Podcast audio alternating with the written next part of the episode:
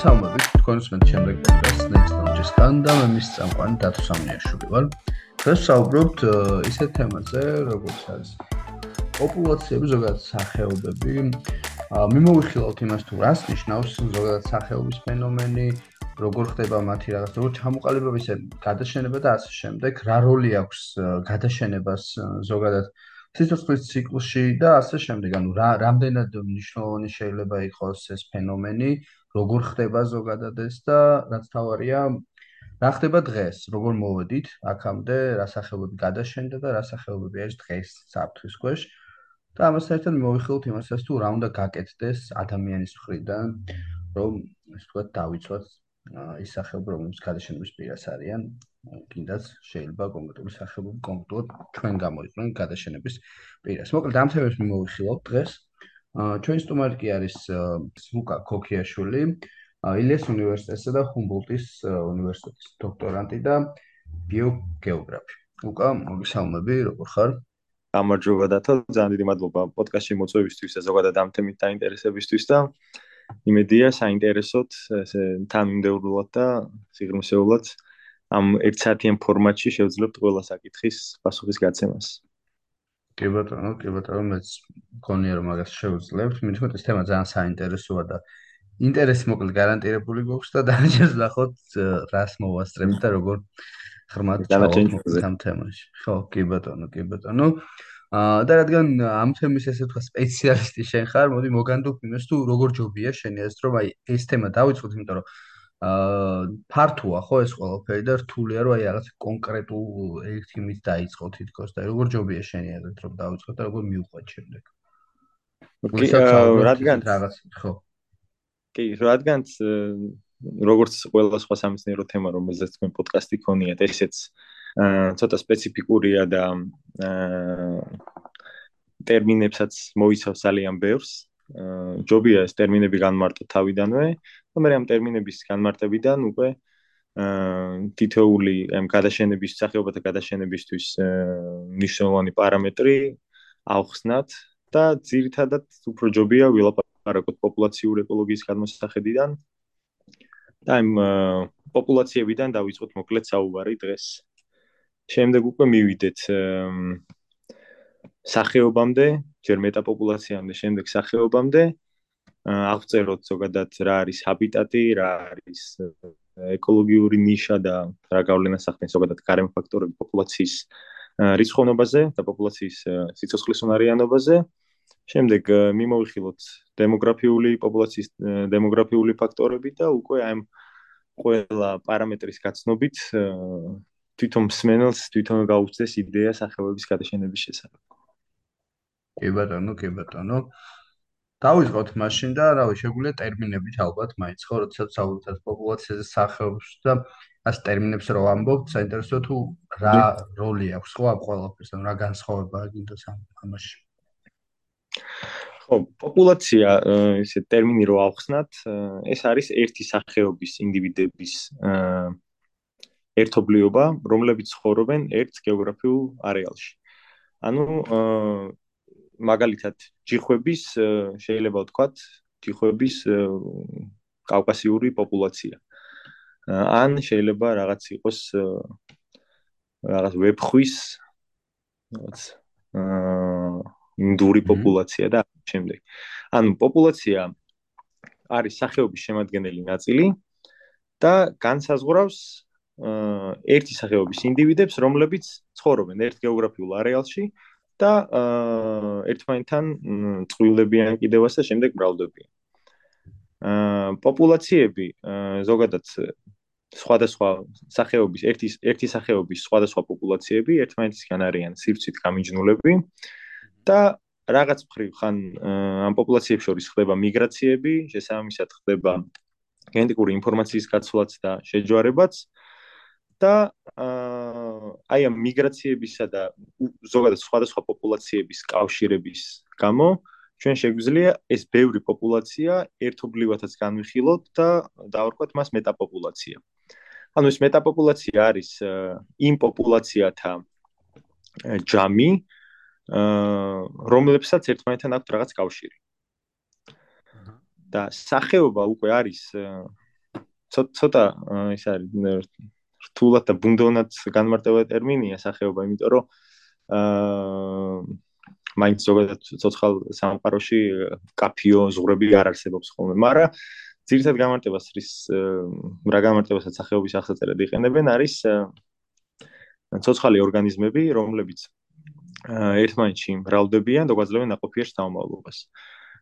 ზოგადად სახეობათა შორისი შეჯვარების ფაქტებიც არსებობს, მაგრამ ეს სახეობები, რომლებიც ერთმანეთთან ან სხვადასხვა ორი სახეობები რომელიც ერთმანეთთან ჯვარდებიან, გენეტიკურად ახლოს არიან ერთმანეთს. ანუ ყავს აი მაგაზე ჩაგერთვები ეხა პატარა და შეკითხვა რომ დაგიშოს სახეობების შეჯვარებაზე. სულ ცოტა ხნის წინ იყო, ანუ მეც მქონდა შეხება ამ სტატიასთან მე წერდი რომ ანუ იქიდან გამომდინარე გლობალურ დათბობასთან გვაქვს საქმე დღეს ვიცით რომ ყინული დნება შესაბამისად ეს აა რაც უფრო ყინული დნება ანუ მურადათვები უფრო ვრცელდებიან ჩრდილოეთისკენო ამ კვლევაში ეწერა განსაკუთრებით კანადას მაგალითი იყო მოცემული და მეორეს მხრივ რაც ესე ვთქვათ თეთრი დათვები კიდე პირიქით ანუ მოკლედ მათი შეხვედრა ხდება და გაჩნდა რა ჰიბრიდული დათვებიო რა ანუ მურას დათვსა და თეთრ დათვს შორის. აი ამ ამ შემთხვევაში შეგვიძლია ვთქვათ რომ სახეობების შეჯვარება ეს თუ მაინც რაღაც ერთი მასში გადის ეს ორი დათვი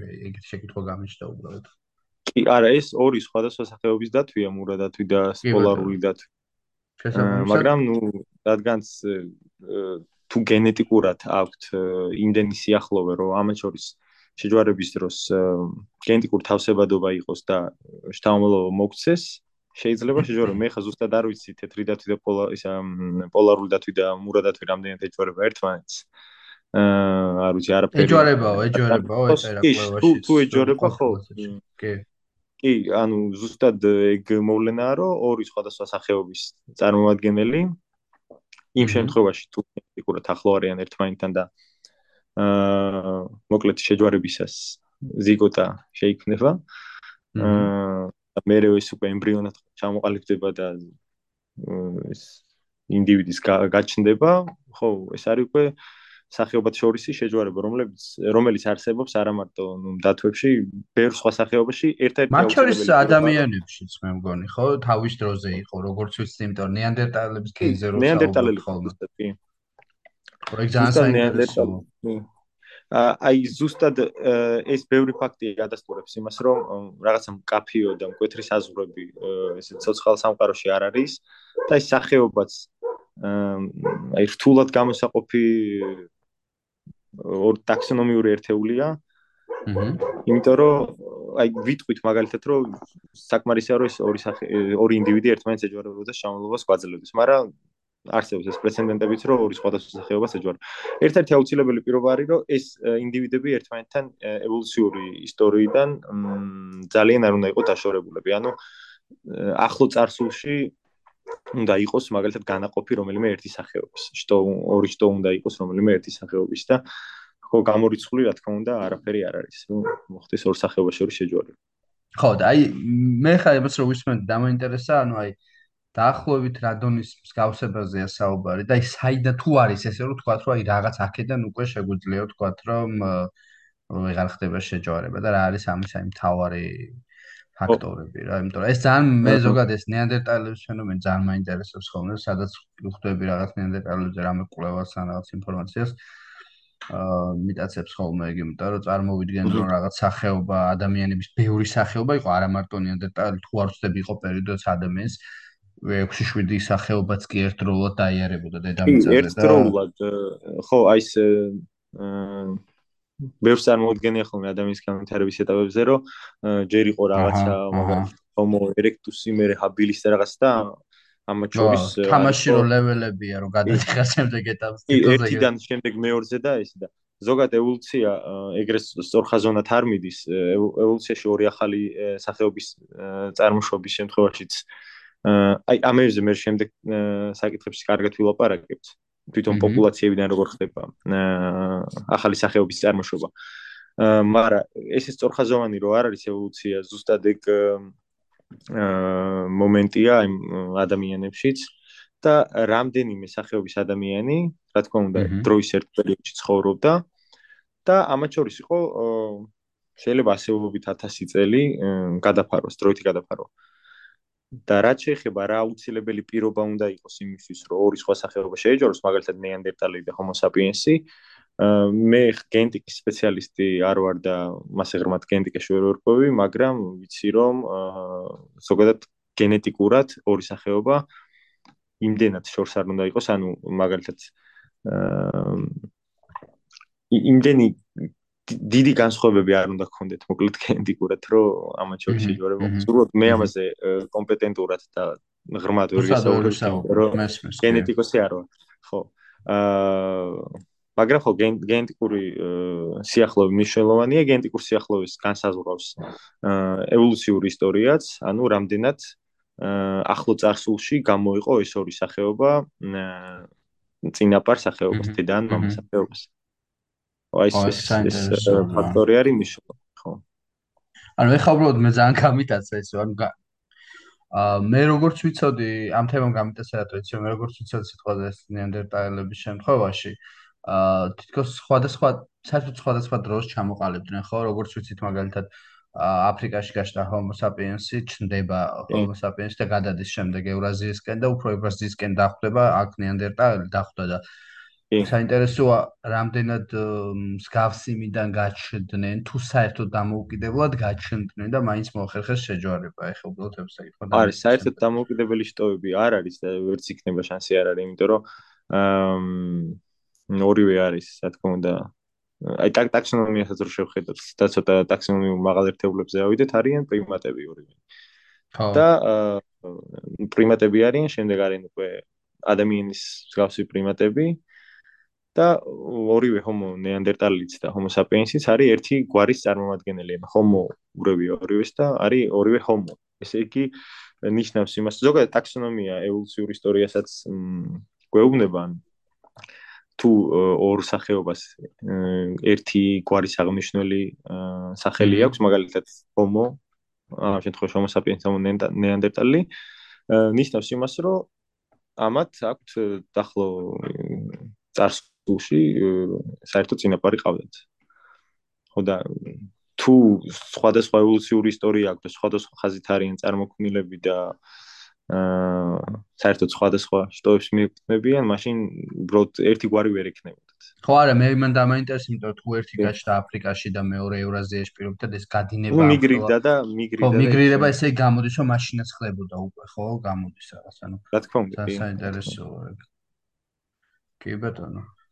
ხო, გავაგზავნოთ მოი, თორე მე ამ ჰომო საპიენსებსა და ნეანდერტალებს შეჯვარებაზე შემიძლია და. ხო, კი ბატონო. ანთროპოლოგიის სპეციალისტიც არ ვარ და მაგაზეც ვერ დაგელაპარაკებით ეს იღმისეულად მარტო ესეთი ეკოლოგიური გადმოსახედიდან შემილია საუბარი აა ხო და რო გავაგრძელოთ მართლა სახეობაზე აა თქვით რომ ესეთი კვეთრი საზღურები არ არსებობს სახეობებს შორის და ძალიან კაი მაგალითები შენც და ეს მურადათვებზე და ნეანდერტალებზე მოიყვანე რომ ორი სხვა სახეობის ინდივიდი ერთმანეთს ეჯვარება. მაგრამ მაინც მოდი სახეობას უწოდოთ აი ეს რაც ის განმარტებით ამ განმარტებით მოусენთ სახეობა რაც წეგან თქვი. ანუ ორი ცოცხალი ორგანიზმის აა უნარს არა ცოცხალი ორგანიზმის უნარს კი არა. თავ სახეობა უწოდოთ იმ ინდივიდებს, იმ ბევრ ინდივიდს, რომელიც ერთმანეთთან ჯვარდებიან და გვაძლევენ ნაყოფიერ შთამომავლობას. ანუ ის შთამომავლობას, რომელსაც შემდეგ გამრავლების უნარი აქვს. ხო, მეტაპოპულაცია ცვახსენეთ უკვე, პოპულაცია ცვახსენეთ, სახეობა ცვახსენეთ და დაგვრჩა ახლა ერთი კიდე მნიშვნელოვანი რამის თქმა, რაც სახეობათა გადაშენებაში ძალიან დიდ როლს თამაშობს, ეს არის ჰაბიტატი და ეკოლოგიური ნიშა. რაც თირთად განსაზღვრავს განსაზღვრავს იმ გარემო პირობების ერთობლიობას რომელშიც ცხოვრობს ორგანიზმი და რომელიც არის ამ ორგანიზმის საცხოვრებლად მისაღები. ანუ განსაზღვრავს იმ კლიმატურ პირობებს აა შეიძლება მნიშვნელობა ქონდეს სცენარეულ საფარსაც და სცენარეულ საფარსაც განსაზღვრავს ლანდშაფტის ტიპს მაგალითად რომელიმე ორგანიზმის შეიძლება კლდიანი საფარი იყოს მნიშვნელოვანი ან ყინვარული საფარი ან რაღაც თოვლის არსებობა იმ ადგილში, ბევრი გარემო პარამეტრის ერთობლიობას აა რომ რომლებიც ცხოვრის იმ ადგილზე საცხოვრებლად და აა შემდეგ უკვე ამ ადგილში გასამრავლებლად, ბუნებრივი რესურსების მოსაპოვებლადაც როგორც კვებისთვის, ან ნადირობა შეძლოს თუ მტაცებელია, ან თუ ბალახის ჭამელია, ნორმალურ შეძლოს საკვების მოპოვება, აი ამ ყველა აა გარემო პარამეტრის ერთობლიობას შეგვიძლია უწოდოთ ეკოლოგიური ნიშა. აა და ეს გარემო ცვლადები არის ძალიან ბევრი ცოცხალი ორგანიზმისთვის მნიშვნელოვანი, მაგრამ ესეც ცვალებადია. ანუ შეიძლება იყვნენ ორგანიზმები, რომლებიც გარემო პირობებზე დიდათ არ არიან დამოკიდებულები და შეუძლიათ იცხოვრონ ბევრი ტიპის ჰაბიტატში და ამათ ქვიათ ევრიბიონტები და არიან რაღაც გარემო პირობებზე ძალიან მიკერებული ცოცხალი ორგანიზმები, რომლებიც ცხოვრობენ აი მარტო მაგალითად რაღაც კონკრეტულ ტემპერატურულ დიაპაზონში, ან თუ ზღვის ეკოსისტემაზე საუბარი, ცხოვრობენ რაღაცა მარილიანობის ფარგლებში და ასე შემდეგ. აი თუ გახსენდება ეხა მაგალითად თუ შეგვიძლია თქვა მაგათ მათი ორი ერთი თითო-თითო მაგალითი რა, ერთი რომელიც აი ეს თითქმის ყველგან არის გავრცელებული და მეორე რომელიც აი ძალიან ვიწრო და თან ცნობილი სახელმწიფო თითქმის ყველგან არის გავრცელებული ადამიანი ეს არის ყველაზე კარგი მაგალითი ამის. აა ნუ იმიტომ რომ ადამიანმა შემდეგ უკვე თვითონ გარემოს ტრანსფორმაციას დაიწყო და აი ყველა და ისეთი ორგანიზმი რომელიც ძალიან მომთხოვნია გარემო პირობებისადმი ცნობილი არის მარჯნები თუნდაც მარჯნის პოლიპები რომლებიც ცხოვრობენ ესე ოკეანეში მაგალითად ავსტრალიის გარშემო და ამათვის არის ძალიან მნიშვნელოვანი წყლის სიღრმეც, მარილიანობა, წყლის ტემპერატურაც და ზუსტად მარჯნები არიან, ამიტომ ერთ-ერთი ისეთი ორგანიზმები, რომელსაც ზუსტად კლიმატის ცვლილების გამო ემუქრებათ საფრთხე. ესე ადამიანის გარდა რომელია ყველაზე შეგვიძლია ვთქვა, რომ მიდებული მოდებულია? შინაურ ცხოველებს არ გულისხმობ ასე რა თქმა უნდა, რომ ადამიანები ხო შინაურ ცხოველები არ აა აი არ ვიცი ვერ გეტყვი. სახეობას უფრო ნაკლებად ვიტყვი შეიძლება რაღაც ჯგუფები ვთქვათ. აა ესე იგი ჰაბიტატი და გარემო პირობები რომ მნიშვნელოვანია ცოცხალი ორგანიზმის საცხოვრებლად ეს უკვე ვთქვით. და რა ხდება როცა იცვლება გარემო პირობები და რა ხდება როცა აი დღევანდელი შემთხვევა რაც არის დღევანდელი ამჟამინდელი შემთხვევა რომ კლიმატი იცვლება და რაღაც გარემო პირობები ლანდშაფტების დიდ ნაწილში იცვლება რას აკეთებენ ცხოველები? ამის შემდეგ. აა ერთი არის რომ ადაპტირდებიან შეცვლილ კლიმატთან და მეორე არის მიგრაცია ანუ მიდიან სხვა ისეთ ადგილში სადაც ამათვის ხელსაყრელი პირობები რჩება. აა აი ესეთი ადგილები ბუნებაში არსებობს და ის ფაქტი რომ რაღაც ტერიტორია არის ცხოველებით დაკავებული არ ნიშნავს იმას რომ ამის გარდა სხვა დაუკავებელი ტერიტორიები არ არსებობს. ანუ ერთი სახეობისთვის მაგალითად ისე ჯიხვი თქვათ, რომელიც ჩემი საკვლევი სახეობაა, ჯიხვისთვის მაგალითად თუ არსებობს რაღაც გარემო პირობების ერთობლიობა, სადაც ის თავს კომფორტულად გრძნობს. აა ასევე შეიძლება არსებობდეს ძალიან ბევრი ადგილი, რომელიც ამ გარემო პირობებს აკმაყოფილებს, მაგრამ ჯიხვი იქ არ ცხოვრობდეს. აა როცა გარემო პირობები აა ну იმდენად იცვლება, რომ ესეთი ადგილების რაოდენობა და ფართობი იკლებს, მაშინ ეს ცხოველები ან მიგრირებენ ესეთ ადგილში და იმ უკვე ახალ ნაკლები ფართობის კონე ადგილებში შესაბამისად კონკურენციასაც ზრდიან ან კიდე იმ პოპულაციაში სადაც არიან განიცდიან რაოდენობის შემცირებას და მიდიან პოპულაციის გადაშენებამდე. ანუ აი ჯიხვიც რო ავიღოთ მაგალითად თუ ამისთვის გარემო პირობები იცვლება ზოგიერთი პოპულაცია ჯიხვის შეიძლება გადაშენდეს იმიტომ რომ ამათი პოპულაცია იყოს იზოლირებული ან რაღაც ბარიერები არსებობდეს იმ ადგილამდე მისასვლელად და იქ დასასახლებლად ან სხვადასხვა პოპულაციებიდან ჯიხვების რაღაც დიდი რაოდენობა მიგრირდეს ისეთ უკვე ამათვის ხელსაყრელ ადგილში და იქ გაზე გაიზარდოს სიმჭიდრო, ანუ ამ ჯიხვების სიმჭიდრო გაიზარდოს. ნუ ლოგიკურია სიმჭიდროვე ისედაც ყველა ვარიანტში გაიზრდება თუ ამასეთი ამათვის ხელსაყრელი ტერიტორიების ფართობი ცირდება. და სიმჭიდროვის გაზრდა აა რას ნიშნავს და რატო შეიძლება ამ სიმჭიდროვის გაზრდამ შექმნას კიდე პრობლემები. ზოგადად სახეობებში არსებობს სახეობებში უფრო პოპულაციებში არსებობს სიმჭიდროვეზე დამოკიდებულება.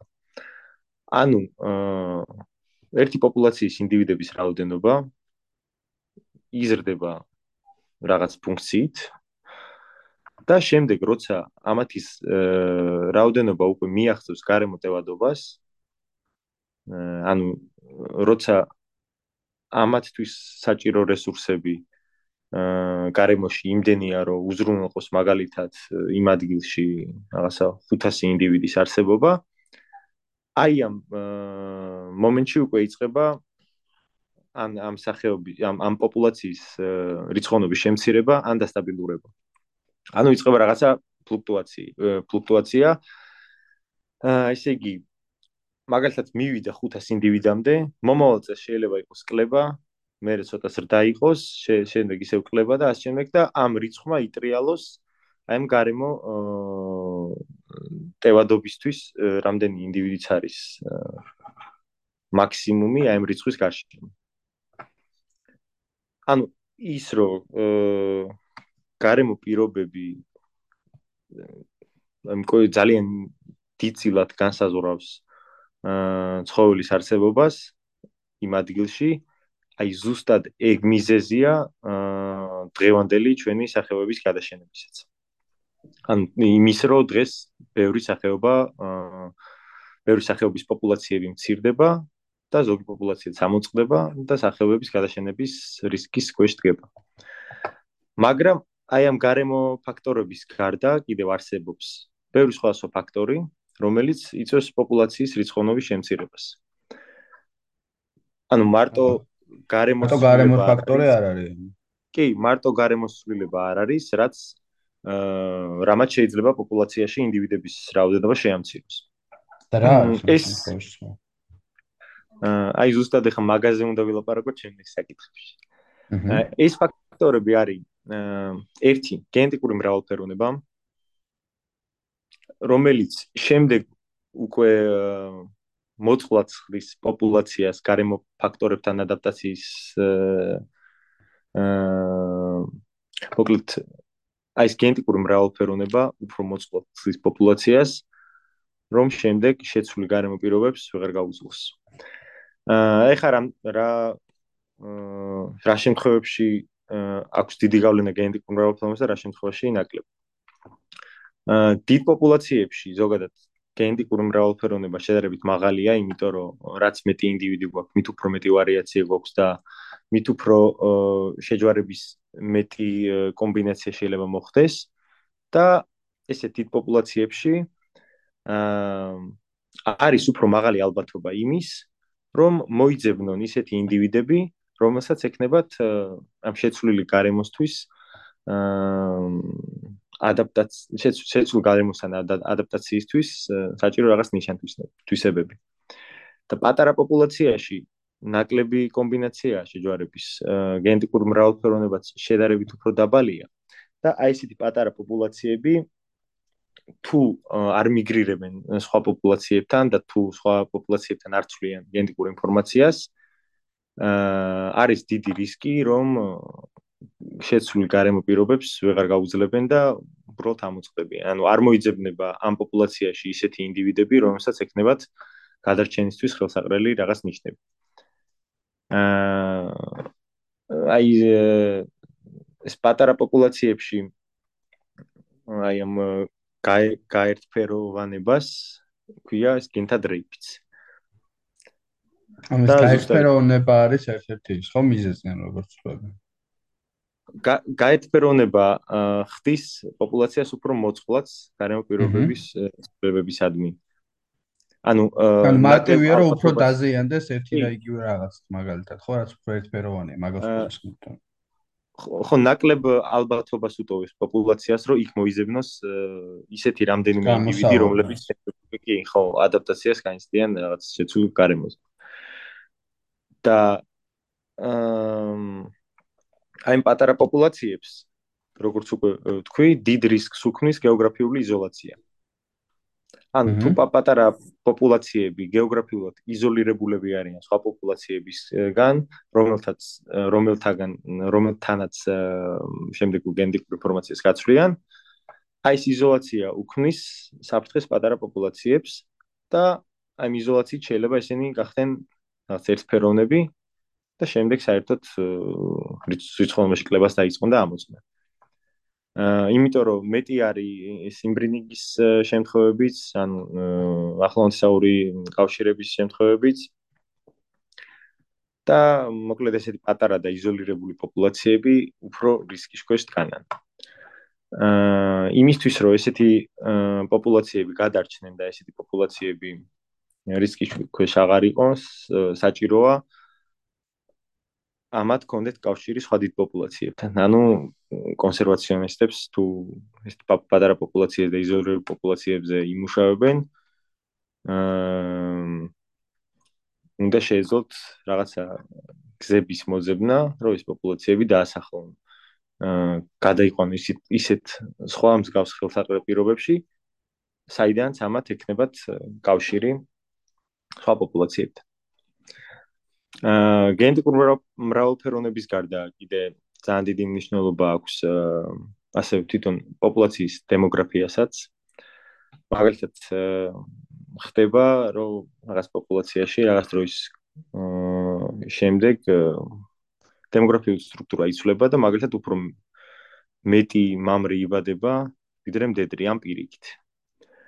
ან ხდება პოპულაციის დაბერება და ახალგაზრდა ინდივიდები უფრო ნაკლები ინტენსივობით არიან უფრო ნაკლები სიხშირით არიან პოპულაციაში ვიდრე ბებერი და ხნიერი ინდივიდები. და ამის გამომწვევი მიზეზები რა არის ძირითადად უცებ აი შეგიძლია გამიჩნდა აი რაც ვცხოვრობთ კიდეც რომ ეს მამრი დემოგრაფიული ცვლილება ხო? ჰმ.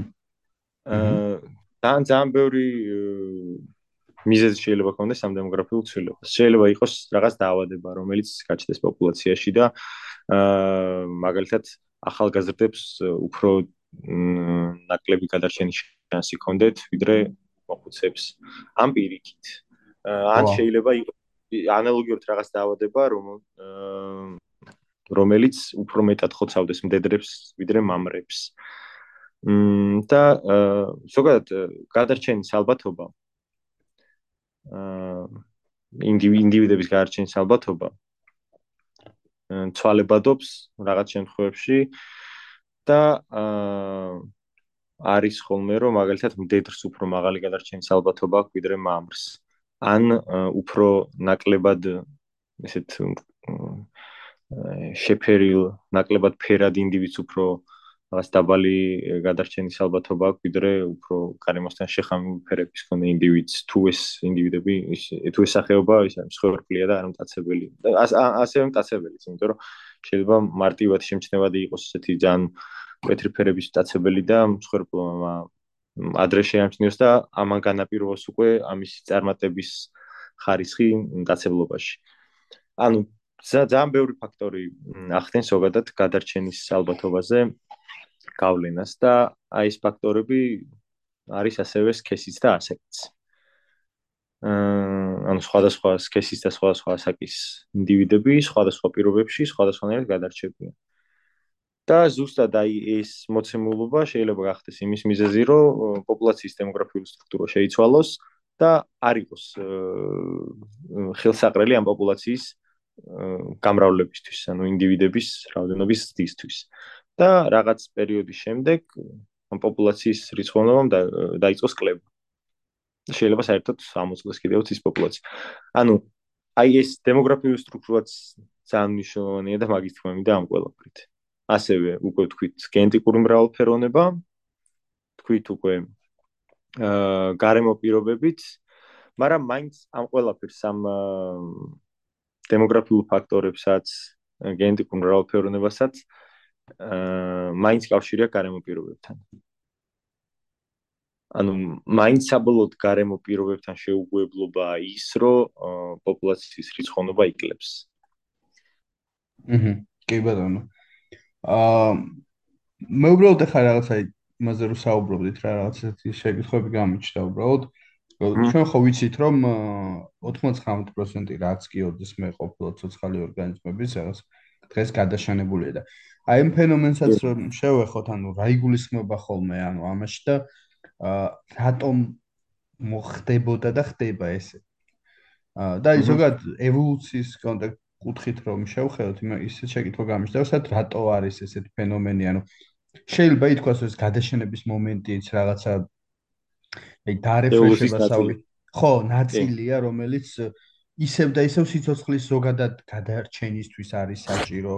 გარემო პირობების მიერ შეგუების ხრივ ხო და აი ასე შემდეგ. აი დინოზავრების გადაშენებაა რა ძალიან საინტერესო მაგ ხრივ და ეს რაღაცები მოკლედ რა. და მე ალბათ აქ თუ ამას რომ მოვიცავთ მინდა რომ მე უკვე უშუალოდ იმაზე ვისაუბროთ დღეს რა ხდება და აი რაღაც სახეობები რომ დღეს საფრთხის წინაშე ჩვენ თვალწინას ხო რაღაც სახეობები ეხაქრება და ასე შემდეგ რა კი ესე იგი პირველი აა ნაწილი არის მაგის მასობრივი გადაშენებები, რაც რაც ილაპარაკე და მეორე ნაწილი არის ზოგადად სახეობების გადაშენება, რომელიც ხდება ბუნებრივად. აა მასობრივი გადაშენებები, ну, სულ რამდენიმე იყო, ხუთი იყო ძალიან ესეთი დიდი გადაშენება გეოლოგიურ ისტორიაში. და ეს მასობრივი გადაშენებები ძირითადად ხდებოდა გარემო პირობების რაღაც ძალიან მკვეთრი ცვლით, ანუ ან ძალიან კვეთრი კლიმატის სულებით, ან დინოზავრების ანუ ამ 65 მილიონი წლის წინ რო გადაშენება იყო და არა მარტო დინოზავრები ძალიან ბევრი სახეობა დაახლოებით თორსები 85%-ზე მეტი. მოგოც უბრალოდ არ მახსოვს ამ რიცხვს თავს ვერ დავდებ. აა ხო ამ ძალიან ბევრი სახეობა იმ სრულ გადაშენებას გამოიწვია ნუ არის ესეთი მოსაზრება მეტეორიტის ჩამოვარდნა. აა ეს მასობრივი გადაშენებები სულ რამდენიმე მოხდა მთელი დედამიწის ისტორიაში. აა და მასობრივი გადაშენება გააქრო იმ დროინდელი ფაუნის უმეტესობა, მაგრამ შემდგომ ამ დარჩენილ სახეობებიდან ხელახლა დაიწყო ისევ ეს ევოლუციის პროცესი. მაგრამ მასობრივი გადაშენების გარდა გადაშენებები აი რო თქვი რომ 95% დაახლოებით იმ ცოცხალი ორგანიზმი რომელსაც ოდეს მეუარსებია დღეს აღარ არსებობს გადაშენებულია. ეს 95% არ არის მაინც და მაინც ამასობრივი გადაშენების შედეგი. ეს 95% არის ბუნებრივად სახეობების გადაშენების შედეგი და სახეობები ზოგადად ბუნებრივად მთელი დედამიწის ისტორიის განმავლობაში ქრებოდა ერთი შემთხვევაა რომ ან ამოწყდებოდა და შთამბოლოს არ ტოვებდა და მეორე შემთხვევა რომ იქცეოდა სხვა სახეობად. რასაც ქვია ფსევდოგადაშენება. აი ეს ჩაგეკითხები უბრალოდ, ჩაგეკითხები, ანუ ეს აა ტრანსფორმაცია, ესე ვთქვათ, ერთგვარ ჭყალებში მეტამორფოზა, ანუ ესეც იგულისხმება მაგაში, ანუ სახეობა რო გარდაიქმნა სხვადან, ანუ ამ 95-99-ში. კი, ესეც სახეობის ცვლილება. რა თქმა უნდა, ანუ ეს ესეც თუმცა გადაშენება მთლად რამდენ აი ხო, იდეაში გამოდის გადაშენება. აი, ფსევდო გადაშენებას ეძახიან ზუსტად მაგას. და ეხა ეხა პროცესი რო ახსნათ. აა რა არის მაგის მერე დასკვნა გამოვიტანოთ არის თორე გადაშენება. აი წარმოვიდგინოთ მაგალითად აა ერთი სახეობა დაუშვათ რა ამონიტების რაღაც ერთი სახეობა. რომელსაც აქვს როგორც უკვე თქვი, მ ბევრი პოპულაცია და რომ რომლის პოპულაციებისგან ერთი არის შედარებით გამოყოფილი პოპულაცია. ან ორი ან სამი, რამდენიმე გამოყოფილი პოპულაცია, რომელიც ერთმანეთთან საერთოდ არ ჯვარდებიან, თორემ დამოუკიდებლად მარტოები და აა ერთმანეთთან არ ცვლიან მოკლედ გენეტიკურ ინფორმაციას. გადის რაღაცა წლები, მ ასეულობით 1000 წელი, ან შეიძლება მილიონიც.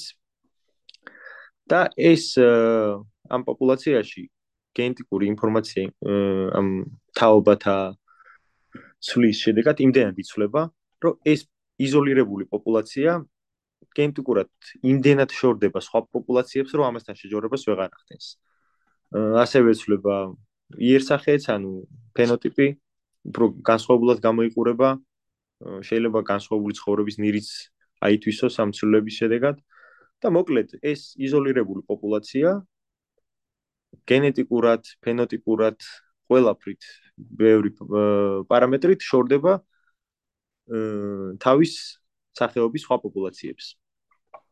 ეს გამოყოფილი იზოლური პოპულაცია, რომელიც შეიცვალა, არის უკვე ახალი სახეობა. და იმ შემთხვევაში, თუ ის სხვა პოპულაციები, რომლებიც ისე ვიგივე სახეობად დარჩნენ, რაღაც დროის მერე ამოწყდნენ, ანუ ინდივიდებმა დაიწყო კლება და შემდეგ საერთოდ გაქრა ბუნებიდან, გამოდის, რომ ის სახეობა ბუნებაში აღარ არსებობს და ბუნებაში დარჩა ახალი სახეობა, რომელიც წარმოიქმნა ამ სახეობიდან. ეს ესეთი პროცესები ხდება ბუნებაში და ეს არის რეალურად სახეობების გადაშენების ძალიან ბუნებრივი მაგალითი. და ის არის ასევე, ნუ, ევოლუციის ერთ-ერთი აა ხელშემწყობი ფაქტორიც.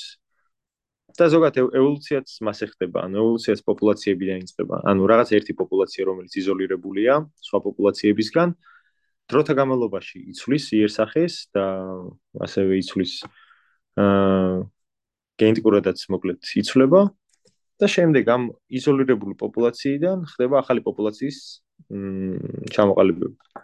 და ეს უკვე ახალი ჩამოყალიბებული პოპულაცია არის ახალი სხვა სახეობა, რომელიც არ გავს თავის წინაპარ სახეობას. კიდე რა თქმა უნდა შეიძლება ამათ შორის შეჯვარება მოხდეს, მაგრამ თუ ძალიან დიდი ხანი გავიდა იზოლაციის და ესენი დროითაც ძალიან დიდი ხნით დაშორდნენ ერთმანეთს. ამ შეჯვარების ალბათობა რაც მეტი დრო გადის მით უფრო იკლებს და იკლებს მ ანუ ეს სახეობების გადაშენება აი ეს მომენტი რაც თქვი ფსევდო გადაშენება არის ევოლუციური პროცესი. და ბუნებაში ისეაც ხდება. მაგრამ ამის გარდა ხდება ბუნებაში ეს ჩვეულებრივი კლასიკური გადაშენებაც ბუნებრივად და რაღაც პოპულაციები.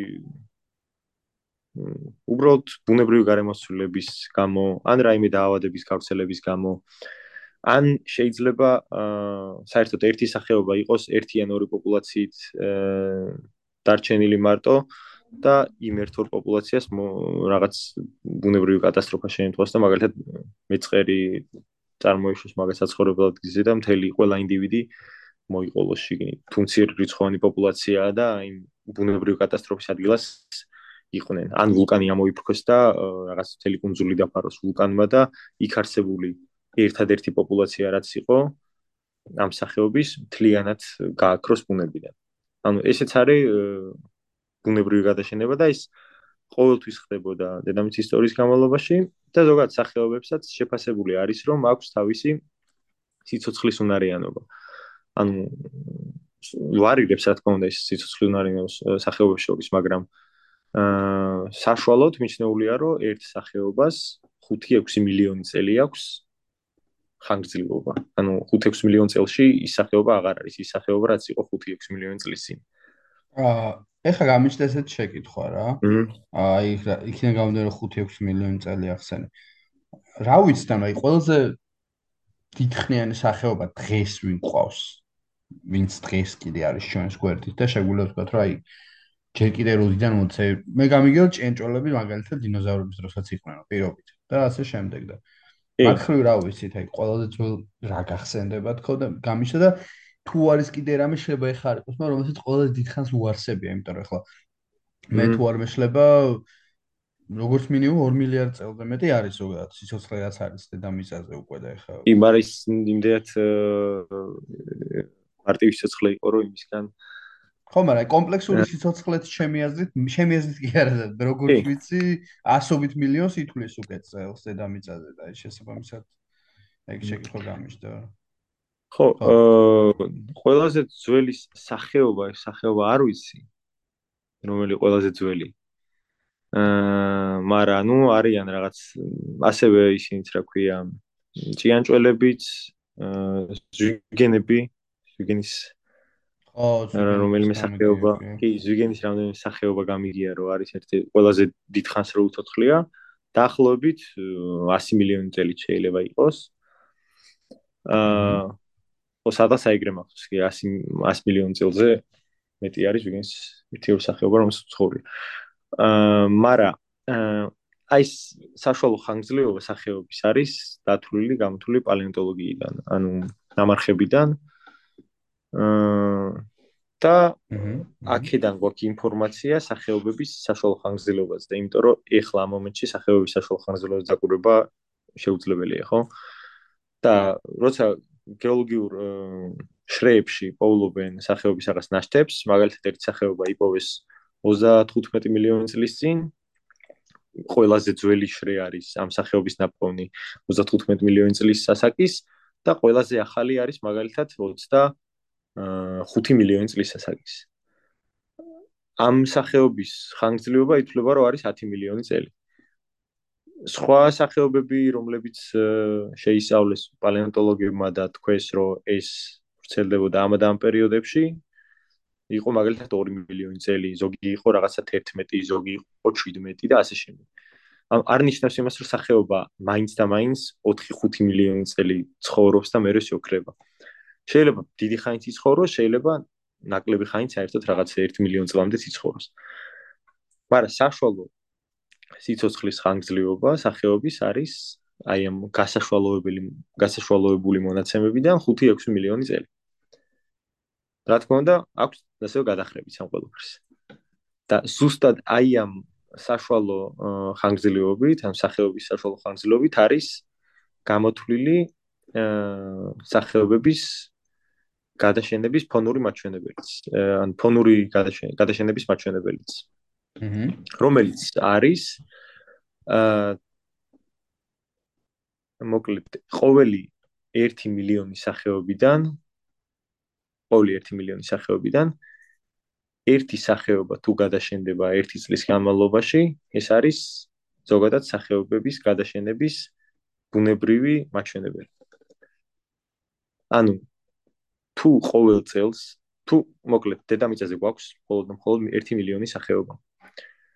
და ყოველ წელს ერთი სახეობა გადაშენდება ეს არის ნორმალური რიცხვი სახეობების გადაშენების თუ გადაშენდება 5 6 30 და 500 ეს არის უკვე კი ეს არის უკვე სახეობების გადაშენების მაჩვენებელზე მაღალი. და ნიშნავს იმას რომ რაღაც ხდება. ან ჩვენ შემთხვევაში ახლა ადამიანმა შეცვალა ძალიან გარემო და ეს ბევრად შეცვლილი გარემო უკვე იწვევს სახეობების განაშენებას, ზოგ შემთხვევაში სახეობების ზოგი სახეობის ბუნებრივ ჰაბიტატში შეიჭრა და ფაქტობრივად მოუსპო საცხოვრებელი და ასე შემდეგ. ზოგ შემთხვევაში აა სანადირო ობიექტად გამოიყენა და ბრაკონიერობით და მოკლედ ზედმეტი მოპოვებით ამოიღო ბუნებიდან და შეამცირა მათი ინდივიდების რაოდენობა და ადამიანის შარევით მოკლედ დღესდღეობით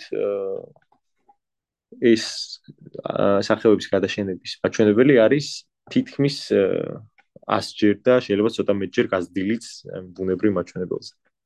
აა 100ჯერ არის დღეს შეგვიძლია ვთქვათ გაზრდილი ამ ბუნებრივ მაჩვენებელთან შედარებით? დაახლოებით ეგრე 100 მეტჯერაც კი. აა და ეხლა ბუნებრივია ხო თუ ამბობთ იმას რომ ის არის რაც თქვა უხეშად რაც შენ თქვა მაგალითად რომ ერთი თუ გადაშენდება წელიწადში ეს რაღაც ჩაოლებრივი ამბავია და ამ შემთხვევაში თუ 100 ჯერ არის გაზრდილი ეს ხო რაღაც თლიან სრულ ეკოსისტემას იზრწყლის იმას უშლის ხელს და ეს იმას ნიშნავს რომ რაღაც ბალანსი ირღვევა. კი რაც შეიძლება კონკრეტულ სახეობას ეს არ ეხებოდეს მაგრამ ამ ბალანსმა ბალანსის დარღვევამ შეიძლება სხვა სახეობასაც იმოქმედოს რაც საბოლოოდ ადამიანსაც მოაკითხავს ხო რაღაც დონეზე რა თქმა უნდა, ანუ შენ გულისხმობ იმას, რომ რადგან მეტი სახეობა გადაშენდება, ეს კიდე ზრდის სხვა სახეობების გადაშენების ალბათობასაც. კი ბატონო, ხო რაღაც ჯაჭური ციკლი გამოდის, დომინოს ეფექტივით თითქოს, ხო? თუ თუ ვიცით და ვიცით კიდევაც რომ სახეობები ერთმანეთთან კავშირში არიან, ანუ ერთი სახეობა მეორე სახეობას განსაზღვრავს და ასე შემდეგ, ну არსებობს, ხო? ამ სახეობებს შორის ბუნებაში რაღაც ურთიერთობები, თუნდაც კვებითი, თუნდაც არა მარტო კვებითი, არაპირდაპირი ურთიერთობები, მაგრამ ერთმანეთზე ან დადებითად ან უარყოფითად რომ მოქმედებენ, ხო, თუ მეტი სახეობა გადაშენდება და ბევრი საერთოდ აა არა მარტო გადაშენება, რიცხოვნობა შეუმცირდება ამ ბევრ სახეობას, ეს შეიძლება განსაზღვრავდეს სხვა სახეობებისთვის, ეს შეიძლება ქმნიდეს სხვა სახეობებისთვისაც რისკს, რა თქმა უნდა. და მარტო მარტო გადაშენებაც არა, პოპულაციის შემცირებაც, ან პოპულაციების გაქრობაც. ან მაგალითად თუ აა სახეობა არ გადაშენდა რაღაც ცხოველის, მაგრამ ამ ცხოველის აა რაღაცა ევროპული ან კავკასიური პოპულაცია გადაშენდა, შეიძლება ამ ერთმა პოპულაციის გადაშენებამ სხვა რომელიმე ამას ამ სახეობასთან დაკავშირებული სახეობაც ჩაიპოლიოს და საერთოდ გააქროს თუ ის მარტო კავკასიაშია გავრცელებული მაგალითად. ხო. აა და ამ ხრივ აი ადამიანის როლი რამდენად დიდია იმ გაგებით რომ რა შეგვიძლია ანუ რა მიგვიწვის ყველაზე დიდი ბრალი ანუ ის გამოხდება ეს კონკრეტულად ადამიანის ჩარევა გასაგები მაგრამ კონკრეტულად რა არის ეს ო ან სახეობები კი სახეობები ერთმანეთთან თუ უარყოფით ერთმანეთზე თუ უარყოფით გავლენას ახდენენ ახდენენ იმიტომ რომ ეს სახეობები სირცულოდ სადღაც გადაიკვეთებიან ხო? აჰა ანუ მაგალითად თუ ერთი სახეობა მეორეზე ცუდად მოქმედებს შორიდან ვერ იმოქმედებს ცუდად. ანუ რაღაც ავსტრალიური სახეობა რომელიც საერთოდ ვერ მიდის რაღაც სამხრეთ აღმოსავლეთ აზიაში სამხრეთ აღმოსავლეთ აზიურ სახეობებს ვერ შეუშლის ცხოვრებაში ხელს აი ეგ არის ზუსტად ადამიანის როლიც ამ სახეობების გადაშენებაში თუ პოპულაციის რიცხოვნობის შემცირებაში რომ ჩვენ შევედით ბევრი ძალიან ძალიან ბევრი სახეობის ბუნებრივ საცხოვრებელში. აა ზოგი ბუნებრივი საცხოვრებელი მთლიანად ავითვისეთ და მთლიანად მოკლედ იმ სახეობებს გაუქრეთ ბუნებრივი საცხოვრებელი ზოგი სახეობები გავაქციეთ. კი ბატონო, ანუ რაზეც ახლა ჩვენ საუბრობთ, ეგ გასაგებია და ადამიანის როლიც გასაგებია. შესაბამისად აქედან შეიძლება ის მომენტი, რომ პასუხისგებლობას იღებს ხო ადამიანი რაღაც დონეზე, უნდა აიღოს თავის თავზე და კონსერვაციის მომენტიც ჩდება ხო, შეგვიძლია ეს ტერმინიც გამარტოთ რა არის და რამდენად საჭიროა ეს. ხო, სწორედ და რა ხდება საერთოდ დღეს ამ ხრივ რა აქტივიზმი არის და რა არის კიდე საჭირო უფრო მეტი სწორედ ამ ხრივ. ხო, კონსერვაცია, ну, ერთი რო რა თქმა უნდა პასუხისგებლობის აღება, მეორე არის ისე ადამიანზე ზრუნვაც. ანუ მარტო კონსერვაციით მარტო ცხოველებზე არ უზრუნავს, ზრუნავთ ასევე ჩვენსაც. იმიტომ რომ ჩვენც მაიც ნაწილი ვართ ამ თლიანი ერთიანი აა ბუნებრივი გარემოსი და სახეობის გადაშენება უარყოფითად ჩვენზეც იმოქმედებს. ზოგადად კონსერვაცია არის იმ ქმედებათა სისტემა, რომელიც მიმართულია სახეობების შენარჩუნებისკენ ან სახეობების პოპულაციების უფრო გამრავალ რიცხოვნებისკენ შეიძლება ასე ითქვას. არა მარტო გამრავალ რიცხოვნებისკენ, ასევე შემცირებისკენაც, იმიტომ რომ თუ ერთი სახეობის აა რიცხოვნობის ზრდა შეიძლება მეორე სახეობაზე უარყოფითად მოქმედებდეს, ასევე კონსერვაციის ამოცანა, რომ აი ამ სახეობის ძალიან მზარდა მზარდი სახეობის რიცხვი დაარეგულიროს. აი ამის კაი მაგალითია ინვაზიური სახეობები, რომლებიც შეიჭრებიან ხოლმე თავისთვის აა არაბუნებრივ გარემოში, ანუ ისეთ გარემოში, სადაც სამათ არასდროს არ უცხოვრიათ და ამ გარემოში მრავლდებიან ხოლმე უკონტროლოდ და ამათი უკონტროლო ზრდა იწვევს სხვა სახეობების რიცხოვნობის შემცირებას. აი ზუსტად კონსერვაციის ამოცანაა, რომ აი ესეთი სახეობების ზრდა შეაჩეროს. ანუ კონსერვაციის თავი ამოცანა არის აა დაიცვას სხვადასხვა სახეობები ან მათი პოპულაციები შემცირებისკენ და დაგეგმოს მეცნიერებაზე დამყარებული ის ქმედებები რომელიც აა რა რამინერით წაეშველება პოპულაციებს. აა მეცნიერების ფუნდამენტი რა თქმა უნდა უნდა კონდეს პოპულაციას პოპულაციას რა გარიგაცა კონსერვაციას. აჰა. იმიტომ რომ მეცნიერების გარეშე აა შეუძლებელია პროგნოზირება აი ამ კონსერვაციული ქმედებების. ანუ მეცნიერება პირველ რიგში საზღვრავს რაღაც სახეობის ცხოველისთვის ხელსაყრელ გარემო პირობებს აა ასევე არკვევს აა როგორი პოპულაციის მდგომარეობა, რა პრობლემები აქვს პოპულაციას. აა სად არის ეს პრობლემები? ეს პრობლემები არის ამათ გენეტიკურ რაოფერონებაში, თუ ამათ დემოგრაფიულ სტრუქტურაში, თუ იმაში, რომ გარემო პირობები შეიცვალა, თუ იმაში, რომ ადამიანი ზემოქმედებს ამათზე, ამ ყველაფერს ადგენს პირველ რიგში მეცნიერება. და ეძებს ესე იგი პრობლემას და შემდეგ უკვე აა კონსერვაციას თავაზობს ამ პრობლემის გადაჭრის გზას. და კონსერვაცი კონსერვაციონისტები უკვე აი მეცნიერებაზე დამყარებულ გადაწყვეტილებებს უკვე ნერგავენ პრაქტიკაში.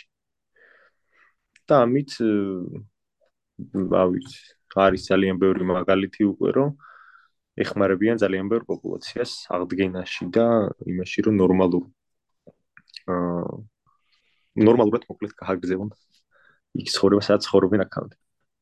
ან შეიძლება სხვა ადგილას აუთვისებელ ტერიტორიაზე, რომელიც ამათვის ამ ამათგან არ იყო დაკავებული. უკვე თქვი ამას წეგანაც რომ არის ძალიან ბევრი ტერიტორია, რომელსაც აა აქვს პოტენციალი იმის, რომ იქ რომელიღაც სახეობის წარმოადგენლები ცხოვრობენ, მაგრამ არ ცხოვრობენ. და მეცნიერება ამასაც არკვევს, რა თქმა უნდა. აა ჰაბიტატის ვარგისიანობის მოდელირებით, ანუ ხელსაყრელი ჰაბიტატის სივრცული მოდელირებით და განსაზღვრავს იმ ტერიტორიებს, რომელიც შეიძლება რომელიმე სახეობის საცხოვრებლად იყოს ხელსაყრელი. და უკვე აი ამ ინფორმაციაზე დაყნობით კონსერვაციონისტებს აქვთ საშუალება იმის, რომ რომელიმე სახეობის დასახმარებლად გამოიყენონ აი ეს ადგილები და ამ ადგილებში ჩაასახლო ეს სახეობა. იმიტომ რომ ეცოდნებათ რომ ეს ის ადგილია რომელიც მოიცავს კარგად კომპლექსურად იმ გარემო პირობებს რომელიც აა სახეობის საცხოვრებლად იქნება ხელსაყრელი. კი ბატონო, ანუ ეხლა რაც ჩვენ საუბრობდი, ეგ თემა რეალოდ მოდის ადამიანის პასუხისგებლობაზე, ხო და რაღაც დონეზე იმაზე თუ რა დონეზე ავიღებთ პასუხისგებლობას და რაღაც არის ესეთი ფაქტორები მაგალითად რაც ინდივიდუალურად შეიძლება ადამიანებმა რაღაც თავის თავზე აიღონ როგორც აი მაგალითად გლობალურ დათბობის შემთხვევაში რომ ამობენ ხოლმე რაც მოწოდებების სახით რო არის ხოლმე ეს თქვენ შეიძლება ეს გააკეთოს. თუ ესე ვერ იტყვი ხა დეოდორანტი მოვიხმაროთ მაგათ ხო. არ ვიცი, მე ხა მაგაზე სამეცნიერო აზრის დაფიქსირება არ გამომივა, შენ პოზიციას გეტყვით, რომ უბრალოდ არ მგონია, რომ ესეთი აა პატარა რაღაცები დიდ რამეს ვლიდეს. ხო. რომ მე მგონია რომ ხო ეხლა ჩვენ თუ უარს ვიტყვით. თუმცა ნადირობა და რამე ეგეთ რაღაც სახით ბრაკონიერობა სასაც ეძახიან კიდაც ან არ ვიცი რა. ბრაკონიერობას ხო ბრაკონიერობას უფრო მეტად არეგულირებს ეს ეროვნული პარკების რეინჯერები, რომლებიც აა დადიან მუდმივად მოძრაობენ ეროვნულ პარკებში, პატრულირებენ და აა სადმე აღმოაჩენენ თუ არა ბრაკონიერს, უწერენ ჯარიმას. საკმაოდ დიდ ჯარიმებს. აა ნუ ერთი ცუდი ამბავი არის, რომ ხანდახან ამ ბრაკონიერს ფარველები ყავთ ხოლმე. მაგრამ ხო მაინც ის მექანიზმი თუ რატო აა აღარ არის იმდენი ბრაკონიერი რაც იყო ადრე არის რომ ეროვნულ პარკებში აა რეინჯერებმა დაიწყეს პატრულირება და არა რაღაც მოხალისეებმა რომლებიც დღეში დარბოდნენ და ბრაკონიერებს წინააღმდეგებოდნენ. ანუ ისე მაინც გონია რომ ცოტა ეფექტიანი რო იყოს ჩვენი ქმედებები, უნდა იყოს მასობრივი, ანუ უფრო მეტად ადამიანმა აკეთოს ხა თუ მთელი მსოფლიო შეთანხმდით იმაზე რომ რაღაც რაღაცებს არ ვიყენებთ ისეც რაც მაგალითად თუნდაც გლობალურ დათბობას უფრო და უფრო აჩქარებს და უფრო და უფრო ზრდის ტემპერატურას. ამ შემთხვევაში იქნება რა თქმა უნდა ეფექტი მაგრამ აი არ ვიცი. მე არ გამიზომია ყოველ შემთხვევაში ეს აა მოხალისეობრივი საქმიანობების ეფექტურობა და მაგიტო ვამბობ რომ ეს არის მარტო ჩემი შეხედულება და არა რაღაცა გაზომვდი და სამეცნიერო აზრი. ისე რა სახეობებია ეხა აი ყველაზე მეტად ცნობილი შეიძლება ითქვას ჩვენთვის ადამიანებს რომლებიც საფრთხის წინაშეა დღეს გადაშენების. აა აა ყველაზე ცნობილი ასახსენება არის პანდა. ო პანდა ზუსტად. ო რომელიც ხოლმე ზოოპარკებში არის შემორჩენილი. ხო აი იქ არის მომართა ყველაზე აა ესეთი მაგრამ ბევრი სახეობა არის ორ-ორი სამ-სამ ინდივიდით არის დარჩენილი ალბათ და შეიძლება არც ვიცით. აა არც მიგვიწოდება ხელი ამ სახეობებზე. ზოგადად შეფასებული არის რომ დედამიწაზე შეიძლება იყოს 8 მილიონზე მეტი სახეობა. მაგრამ აღწერილი არის? დაახლოებით მილიონი ნახევარი კი დღევანდელობის ანუ ცოცხალი ეხლა ვინც არის სახეობები დედამიწაზე შეფასებული არის რომ უნდა იყოს 8 მილიონზე ცოტა მეტი. და აღწერილი რაც არის და დაფიქსირებული და ადამიანს რაც უნახავს და ზოგადად სახეობათა ტაქსონომიაშიც შესული არის დაახლოებით 1.200.000 აა შესაბამისად მაქედან გამომდინარე უნდა ვივარაუდოთ რომ იქნებიან ისეთი სახეობები რომლებიც შეიძლება 2-3 ინდივიდით იყვნენ დარჩენილი და გადაშენების პირას იყვნენ. რომლებიც არ შეიძლება თუმცა აი მე როგორც ვიცი ისედაც ახლა აი ძალიან ცოტაა დარჩენილი ისეთ ცოცხალი ორგანიზმები ისეთ ძუძუმწოვრები რომლებიც ყოველს რომლებზეც ყოველს მენე ყოველ ვიცით და რა ვიცი ფილმებში თუ ანიმაციებში ყავს აა ხშირად რავი მაგალითად აი ლომები, ვეფხვები როგორც ვიცი ანუ საკმაოდ ანუ რაოდენობა მე არ გულისხმობ ის რაღაც თითე შემოსათული ინდივიდები დარჩენილი მაგრამ ძალიან ცოტაა რა ზოგადად დედამიწაზე რო შეადარო კი შემცირებულია ძალიან ისტორიულ ისტორიული გეოგრაფიული გავრცელებაც და ისტორიული რაოდენობაც პოპულაციის და ისტორიული თავის მინიმუმს არის მინიმუმზია მე მგონი დაყვანილი უკვე რა ესეთი კი ასევე ლეოპარდებიც რომლებიც ძალიან შემცირებულია როგორც გავრცელების ხრივ ასევე რიცხოვნობის ხრივ. მაგრამ ეს ჩვენთვის უცნობი სახეობები უმეტესად მოდის წერებზე და უხერხემლო ორგანიზმებზე მოკლედ. თუ ზუმწოვრები მაგალითად ეხლა ლომის ლომე არის 20000 წარმოიდგინე დარჩენ დაახლოებით 20000 ძალიან ცოტა ხო იდეაში წარმოიდგინე 20000 რა არის? კი მაგრამ ხო იმდენად ცოტა არ არის რომ თქვათ რომ სიო ლომი აა აღდგენის შანსები აქვს. თან კარგად არც ის დრამატულად არ არის ლომი ხო. არის ძალიან ბევრი სახეობა ფრინველებშიც აა ძუძუმწოვრებშიც ამფიბიებშიც ბევრ ხო მაგრამ წარმოიდგინე უბრალოდ ძალიან სასაცილოა ეს რომ აა იმის ბუნებ ველური ბუნების მეფეს რო ეძახით. და 20000 როა დარჩენილი და აგერ ქათამი ის არის მილიარდზე მეტი ადამიანზე მეტი. ხო სიტყვა ო აი მეფეს რატომ ეძახით ეგ არ ვიცი. აი ვებხვი მაგალითად 5000 დარჩენილი. თან მე ხავ ნახულობ 5000-ია ვებხვი დარჩენილი სულ რაღაც არ მოიდგინე აჰა. ძალიან ცოტა. ხო, კატისებს კი, კატები ზოგადად ძალიან ძალიან არიან შემცირებული. აა აი ვებსაც თითქმის თითქმის გადაშენებული თითქმის გადაშენებული სახეობა თითქოს.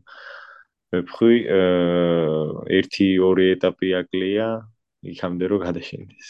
ნუ ბუნებრივ პირობებში არის დარჩენილი ჯერ კიდევ, მაგრამ აი მაგ კატეგორიაზეც რომ მივარო ბუნებრივი პირობებიდან უკვე ბუნებრივში გადაშენებულია და მხოლოდ ზოოპარკებშია დარჩენილი, აი ეგ უკვე მართლა ძალიან კრიტიკული. არის რაღაც ვებხვის სახეობა სახელი დამოვიწყდა, რომელიც საკმაოდ რომელიც გადაშენდა კიდევაც, დამოვიწყდა ხშირად ამბობენ ხოლმე, ის გადაშენდა ცხოველებზე ლაპარაკობენ. აჰა. პატარა ზომის ვებხვი იყო რაღაც, უფრო რაღაც იმას ყავს. გელსა და ვებხვის ნაჩვარს ყავს რაღაც, მაგრამ ასმანიურ ვებხვი ამბობ? როგორ როგორ? ტასმანი ტასმანიურ ვეფხვი ამბობს ავარავდეთ. კი ბატონო, მაგაზე. კი. ხო, ანუ რეალურად ის ცხოველები, რომლებიც ესე კარგად ვიცნობთ, ესე ვთქვათ, შორიდან თითქოს, ანუ ესენიც კი საფრთხის წინაშე არიან. ხო, ერთ დღესაც შეიძლება ვეფხვი აღარ იყოს. ხო, ტასმანიურ ვეფხვი საერთოდ ვეფხვიც არ არის ესე. აა ტასმანიურ ვეფხვი ქვია, მაგრამ ზოგადად ჩანთოსნების ოჯახში შედის და აა ვეფხვი არც არის, კატისებრთა ოჯახშიც კი შედის. მართლა ჩანთოსნებში შედის, ავი ეს ფოტოზე არის. კი, ჩანთოსნებში შედის. კი, ჩანთოსნებში შედის ტასმანიურ ვეფხვი. აა, საინტერესო.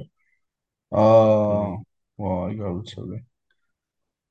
ხო არა, დაიცი რა, ეხლა მე და ის ვებხვის შემთხვევაში რო ვთქვი, რომ 3000-ია დარჩენილი წარმოიდგინე და ამის ძირითადი მიზეზი რა არის? ადამიანი ალბათ, ხო, იმის რომ გააჩეხვა მოხდა და რაღაცა ველური კი, ამ შემთხვევაში ვებხვის შემთხვევაშიც კი, ვებხვის შემთხვევაშიც აა ზოგადად კატის კატისებთა ოჯახის წარმოადგენლების შემთხვევაში დიდწილად ყოველთვის არის ადამიანი, იმიტომ რომ აი ეგ ადგილები სადაც ესენი არიან გავრცელებულები, განსაკუთრებით ვებხვები არის ძალიან ათვისებული ადამიანის მიერ.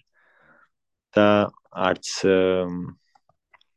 რამე დიდი კონსერვაციის ისტორია აქვს, როგორც ჩანს, რომ დაიწყოთ მაგალითად ვებხვებზე ზრუნვა, ევროპა მაგალითად ძალიან არის ათვისებული ადამიანების მიერ, მაგრამ აი ტყეში შველი არის ევროპაში. მიუხედავად იმის, რომ ამ დღეებისაც შველი ბინადრობს არის ასევე ადამიანების ძალიან ბევრი საფეხმავლო ბილიკი და აა მაქსიმალურად არის მოქცევანი შეჭრილი მაგრამ იმის გამო რომ ისრუნავენ იქ რაღაც პოპულაციის რიცხოვნობის კონტროლი აქვს აა და მოკლედ არის ხალხი ამ საქმეებში ჩართული შველი არ არის ევროპაში რაღაც გადაშენების პირას კი არა მაღაზიებში იყიდება მეგონი შვილის ხორცი. ხო, ხა ის ისე ლაბორატორიული ხორცის სამბავი რაც შემოვა მაღაზიაში გაყიდვაზე გამახსენდა, შეიძლება ყველაფრის ხორცი გაიყიდოს. რაღაც ერთ-ერთი სტარტაპია, რომელიც სხვა შორის ლაბორატორიულად დამზადებული ხორცის ვებხვის ხორცს ამზადებს და აპირებს შეიტანოს რესტორნებში და ვებხვი აღარ არსებობს. ხო, და ვებხვი რო აღარ არსებობს და ლაბორატორიულ ხორცს. ვებხვის ხორცს ვეჭამა, რა ვებხვი რო აღარ არის. მაინც ხო არა ძალიან ცოტა არისო 3 5000 3000 ველურ პირობებში და 8000 ყოფილა ახლა ვნახე უკვე იმ შემთხვევაში თუ გულისხმობთ, როდესაც აი ადამიანებს რო ყავთ რა, ეს არის ალბათ ზოოპარკები და სპეციალური დღეპარკები. კი, ზოოპარკებში და ზოგს პირადად წავს სახლში. ო, ეს ბეჰემოტებზე ხო არის? აი, ის ტაისონს ყავდა მე მგონი, ხო? გორცდე. აა, ეყოლებოდა ტაისონს კი. ბეჰემოტებზე ხო არქსმენია ისე ბეჰემოტებს? როგორ არიან და? აა ბეჰემოტები აა რაღაც ძალიან გადაშენების საფრთხის პირას არ არიან როგორც ის. აა არიან იმოდ დავაზუსტოთ აი IUCN-ის შევიდეთ და ხო არის მოწყვლად სახეობად მიჩნეული ბეჰემოტი. ხო რაღაც აი ოღონდ რატო რატო რატო მეგონა იცი?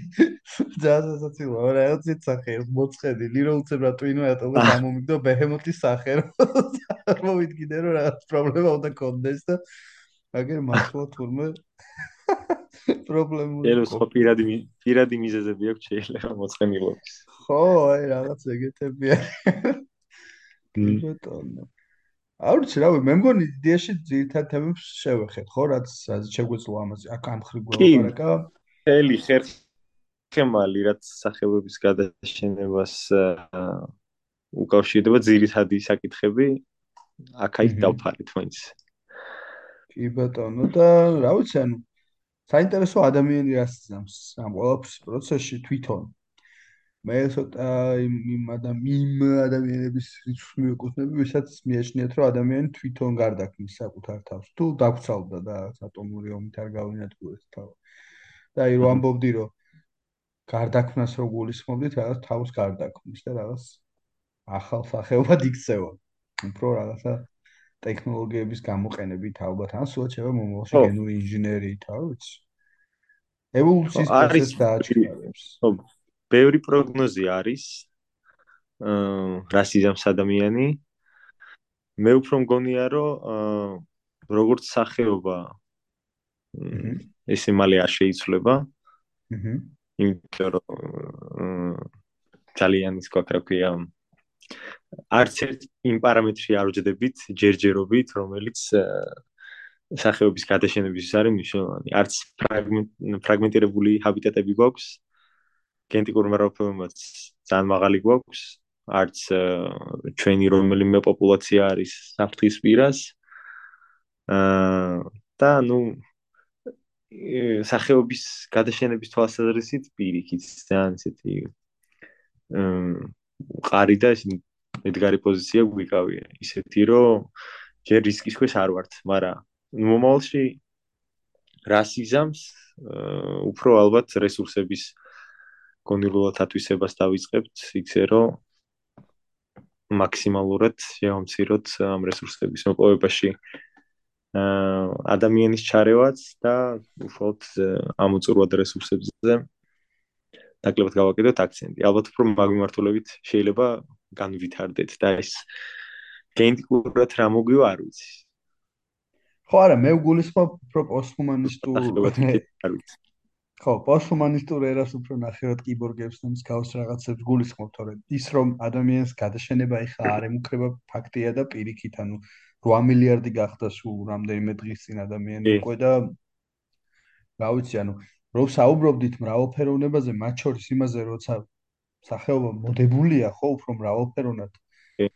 პლანეტას იქ შენ ახსენებ ვულკანის ამოფრქვევა თუ რაღაც რამაც მათ შორის სხვა შორის არის ვარაუდები, რომ ნიანდერტალელების გაქრობა და გადაშენებაც ზუსტად იმას მოყვა, რომ საპიენსი, ჰომო საპიენსისგან განსხვავებით, ნაკლებად იყო მოდებული პლანეტას და რაღაც შეება კონკრეტულ ადგილზე კატაკლიზმებს გამოეწვია ზუსტად ის რომ მარტივად გადაშენებულიყო ეს სახეობა და აღარ გადაშენება პირდაპირ არც მომხდარა ეს ნეანდერტალელის მე როგორც ვიცი. აა უფრო მოხდა შეჯვარება ჰომო საპიენსა და ნეანდერტალებს შორის და ამან იცი როგორ არის? ანუ ძალიან პატარა პროცენტია. ძალიან პროცენტ პატარა პროცენტია რეო და არ ვიცი ამას რამდენად ქვია შეჯვარება. ანუ ხო ხვდები რას გულისხმობ? თუ არ მეშლება ეს ნეანდერტალების 5%-ია და ამდენად შეიძლება დაერქვას ამას შეჯვარება? არა დეონდელ ადამიანები არის ნეანდერტალის გენები რაც ნიშნავს იმას რომ არის ეს ჩვენი წინაპარი ნეანდერტალები კი ბატონო მაგრამ თუ ითქმის თუ ძალიან ცოტა ამ შემთხვევაში მაინც ხო გამოდის რომ ჰომო საპიენსმა შთანთქა ეს ნეანდერტალი? აა ხო, ნუ ჰომო საპიენსი იქცა უფრო დომინანტ სახეობა იმ შემთხვევაში, მაგრამ აა ის ნეანდერტალი რაც იყო იმ სახით აღარ დარჩა, რაც ადრე იყო, მაგრამ ყოველ შემთხვევაში შთამბოლობა მაინც დატოვა ჰომო საპიენსთან შეჯვარებაში. ანუ უშუალოდ ცალკე ნეანდერტალის ხაზი არ წავიდა. ხო, მაგალ გულს 1%, ეხა შევამოწმე ზუსტად. 1-დან 2% არის თანამედროვე ჰომო საპიენსში ნეანდერტალის გენი და ეს ნიშნავს იმას რომ უფრო ნაკლები აა უფრო ნაკლები იყო ნეანდერტალელი უფრო მეტი იყო საპიენსი და უფრო აი როგორ თქვა მოიცა აა ესე იგი როცა ნეანდერტალის გენი ჩვენში არის 1% ხო. მე მგონია რომ ეს თანთქმა არის ვიდრე ის რომ რაღაც ინაპარი ყავდა აა არ ვიცი აი როგორ გითხრა ეს თანთქმა ისევ ჩვენ ვართ ისევ ისახეობა homo sapiens-ი თუ ჩვენ ვართ 1% ნეანდერტალი აი მაგალითად ეს პასუხი მაქვს მაგალითად აი უყურე. ის ადამიანები რომლებიც აფრიკა არ დაუტოვებიათ მათ წინაპრებს. კი წინაპრებს კი არა ხო წინაპრებს არასდროს. მათ გენებში ცნობილი ფაქტია არ არის ნეანდერტალის გენი წარმოიდგინე. ლოგიკურია ხო? ხო და აა შესაბამისად ეხლა მაგ ლოგიკით ჩვენ ჰომო საპიენსები ვართ, ვინც ევრაზიაში ვართ, სიტყვაზე ან სამხრეთ ამერიკაში პირობდე. და ისიც ხო, ვინც აფრიკაშია, ვინც არ გამოსულა აფრიკიდან და ხა. რამდენად შეიძლება ვთქვა, რომ ამ 1%-მა იმ დონეზე ისქნა, რომ ახლა ჩვენ ვართ ნიანდერტალელისა და ჰომო საპიენსის რაღაცა ნაჯვარი და ის მარტო ჰომო საპიენსის. მე მგონია რომ იმდენად უმნიშვნელოა ეს 1%, რომ ფაქტიურად შეიძლება ითქვას, რომ მაგიტო ვამბობ, რომ დიდი განსხვავება არ არის. ხო ხვდები რას გულისხმობ? ხო, და დიდწილად ჩვენში არის homo sapiens-ის გენები, ვისშიც neandertalis გენებიც არის. აა მაგრამ ასევე არის neandertalis გენები, სადაც ნიშნავს იმას, რომ neandertalები უკვალოდ არ გამქრალა მიმოსვლა. არა, უკვალოდ რა თქმა უნდა არ გამქრალა. უკვალოდ რა თქმა უნდა, მაგრამ მაინც გადაშენებული გამოდის თქო. არა მოწყვეტილა. კი, გადაშენებული გამოდის როგორც ცალკე სახეობა neandertaleli, მაგრამ არა მოწყვეტილა. ანუ ამ შეჯვარებამ მაინც თამლობა დაგვიტოვა კი. რაღაც დაგვიტოვა და თუ არ მეშლება არის კიდე ძალიან ბევრი სახელს ვეღარ ვიხსენებ რატომღაც ერთ-ერთი ანუ საპიენს სახეობას რომელიც აა ასევე ძალიან დიდი რაოდენობით არის განსაკუთრებით იმ ადამიანებს რომლებიც ცხოვრობენ თებში, იმიტომ რომ როგორც ჩანს მათი გენები უფრო იყო მიდრეკილი მისგან რომ გადარჩენილიყვენ ანუ ამ რაღაცა თის პირობებში და აი ტიბეტ ტიბეტ ბერებში ყოფილა ყველაზე მეტი პროცენტი და არ მახსოვს ზუსტად რომელი არის ეს. მ ხო და ანუ ეგ ფაქტია რომ რაღაც კვალი ყველაფერი არის ჩვენში რა ანუ homo sapiens-ში არის ეს სხვადასხვა ადამიანის ის რა გენების ფაქტია. ი აი ხა შემდეგი პოდკასტის ვისაც დაგება და მე მგონი იდეა რომ მოიწვია ანთროპოლოგი და მაგ საკითხებზე უფრო კარგად ასაუბრო ვიდრე მე იმიტომ რომ მე კომპეტენტურად ხო თუ მირჩევ ვინმე სხვა შორის შემდეგ პოდკასტს მაგაზე გავაკეთებ ძალიან დიდი სიამოვნებაა კი დავფიქრდები და გიჩები ძალიან გამიხარდება. ჩვენს პოდკასტად შეხება მე მგონი ძალიან კაი გამოვიდა ძალიან დიდი მადლობა რომ იყავი ჩვენთან ერთად. ძალიან ბევრი რაღაც საინტერესო გავიგეთ ჩვენგან და დაწუნე მე პირადად გავიგე და მგონია მსმენელიც გაიგებდა რაღაც ახალს ნამდვილად კიდევ ერთხელ დიდი მადლობა მოკლედ ჩვენ და რა ვიცი ამოტევას გისურვებ შენ საქმიანობაში.